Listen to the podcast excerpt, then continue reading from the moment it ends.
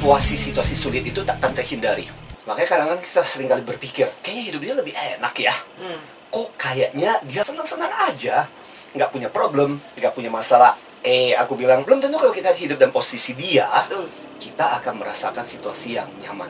Karena kita tidak pernah tahu apa yang terjadi. Baru-baru ini saya membaca satu tulisan artikel menarik. Namanya Brian Carroll. Dia adalah penjual mobil di sebuah dealer mobil. Usia 51 tahun, jadi waktu ketika dia datang ke showroom mobil, atasannya bilang, Brian, this is your last day. Oh, marah dong, kesel jengkel. Belasan tahun bekerja membangun dealer itu, rasanya dia melampiaskan segala kemarahan.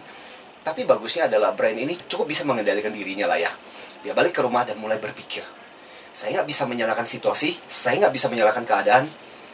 Toh, kalaupun saya mau menuntut, mau gimana lagi, energi saya akan habis untuk seperti itu. Dengan uang pesangon yang saya dapatkan, apa yang bisa saya lakukan? Tapi akhirnya dia berpikir, lah berpuluh-puluh tahun saya dibesarkan di dealer mobil. Saya sudah tahu bagaimana caranya. Dan saya melihat bahwa problem terbesar dari para pembeli mobil adalah sering kali datang ke showroom bingung dan bisa berjam-jam nggak jelas. Akhirnya apa yang terjadi? Dia bersama dengan beberapa rekan-rekannya juga dipecat membangun sebuah tim menjual mobil dengan cara khusus yaitu pendekatan personal. Jadi orang-orang yang membeli mobil dia dekati secara khusus dikasih tahu, Pak Bu di rumah aja, kami yang akan mencarikan datang ke dealer mobil, deal dengan mereka nilai paling murah dan kasih tahu saja Bapak maunya seperti apa.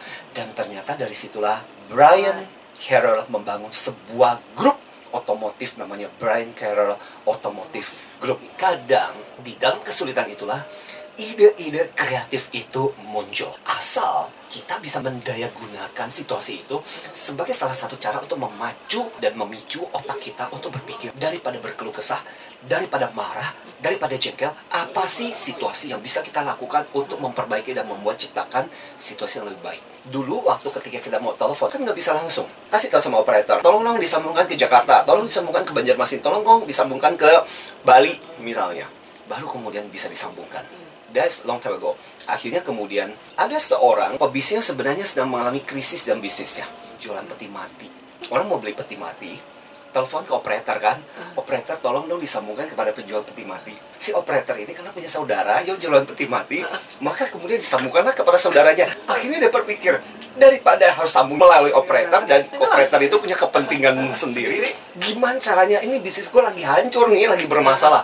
Dan muncul ide menciptakan sebuah jenis telepon di mana udah deh daripada melewati operator langsung disambungkan ke orang yang dituju. Artinya gini loh, ketika kita mengalami situasi sulit itu betul, memang pertama-tama pasti down.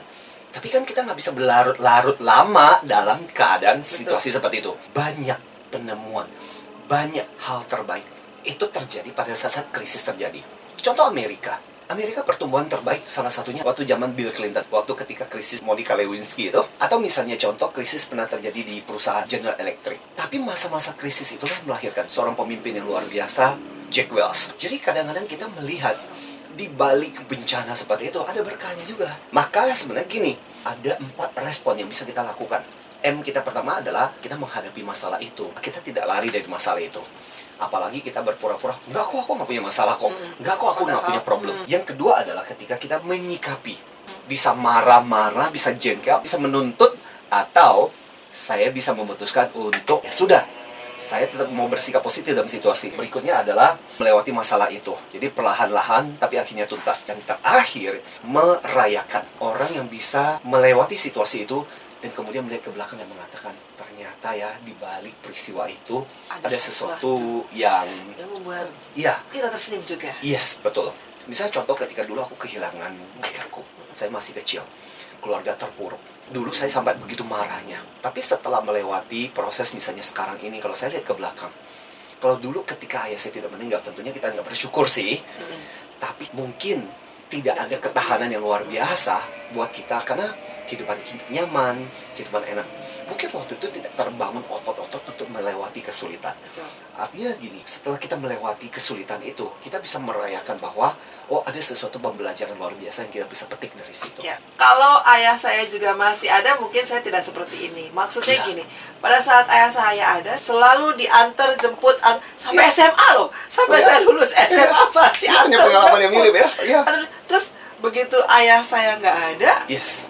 Down benar-benar down tapi Pasti ya, akhirnya ya. bisa naik bus sendiri ya Yes, kan betul. Eh, bisa bareng teman-teman Ya. pulang sekolah Ya. gitu ternyata ya itulah ada hikmah. Iya, ada sesuatu yang bisa kita Selalu. petik asal kita Tuhan mencoba selalu memberikan yang persis, terbaik pada ber- persis. Asal kita mencoba melihat sesuatu yang positif di balik segala kejadian-kejadian Nah, peristiwa itu. itu. Dan ketika kita mencaci maki pun kita tidak akan membuat situasi lebih baik. Benar. Betul. Ayah yang sudah meninggal tidak akan hidup lagi karena caci maki kita, karena kemarahan kita. Aku bawa satu buku yang bisa jadi bahan renungan kita. Judulnya adalah Peak and Valley, Spencer Johnson. Buku Peak and Valley ini pada dasarnya bercerita bahwa hidup itu ada peak dan valley. Peak itu adalah bukit pada saat ketika kita berada dalam kondisi sukses, berhasil, ya tinggi, berjaya. puncak-puncaknya. Tapi kadang-kadang ada situasi sulit, ada situasi susah pada saat ketika kita berada di lembah kekelaman. Kalau saya sering kali mengumpamakan bahwa kalau kita pergi ke rumah sakit, selama monitornya itu masih ada atas ke bawah, atas ke bawah, atas ke bawah, Aman. aman. Berarti Walaupun- orang masih hidup. Tapi kalau udah datar, ya udah Uh. artinya tanda-tanda kehidupan sudah tidak ada. Di buku ini dia bilang begini, justru pada saat ketika di valley, pada saat ketika di lembah, kita harus menggenjotnya lebih keras, Iya, lebih kencang. ke. Jangan terpuruk di lembah itu. Ada satu kalimat menarik. Hal buruk yang dilakukan di masa sekarang itu akan jadi krisis atau bad time di masa kita yang akan datang. Tapi hal baik yang kita lakukan di masa sekarang ini akan menjadi masa emas. Masa yang baik di masa yang akan datang. Artinya gini, meskipun kamu menghadapi situasi susah, ingatlah bahwa titik sekarang ini bisa menjadi titik yang menentukan langkahmu situasi ke depan. Apakah itu akan menjadi lebih akan menjadi buruk. Spencer Johnson sempat ngomong juga, valley itu bisa tercipta karena dua situasi. Satu adalah lembah yang tercipta karena situasi di luar kendali kita. Ada juga lembah yang terjadi karena kesalahan dan tanda petik kebodohan yang kita lakukan. Kita berhutang misalnya untuk menyelesaikan satu masalah. Iya. Hutangnya sama orang yang salah lagi. Iya. Akhirnya malah beribet, bunganya banyak. Makanya kenapa cerdas emosi itu penting. Sadari bukan cuma Anda saja yang punya masalah. Tapi kenapa mereka bisa melewati itu dan menjadi seorang pemenang?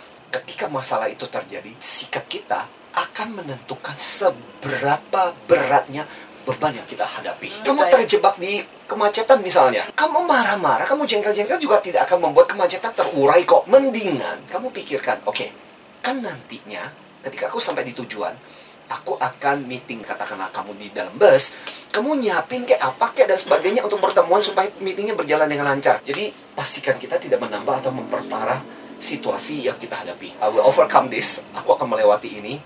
Dan kalau aku bisa mengatasi ini, nanti akan menjadi cerita yang luar biasa.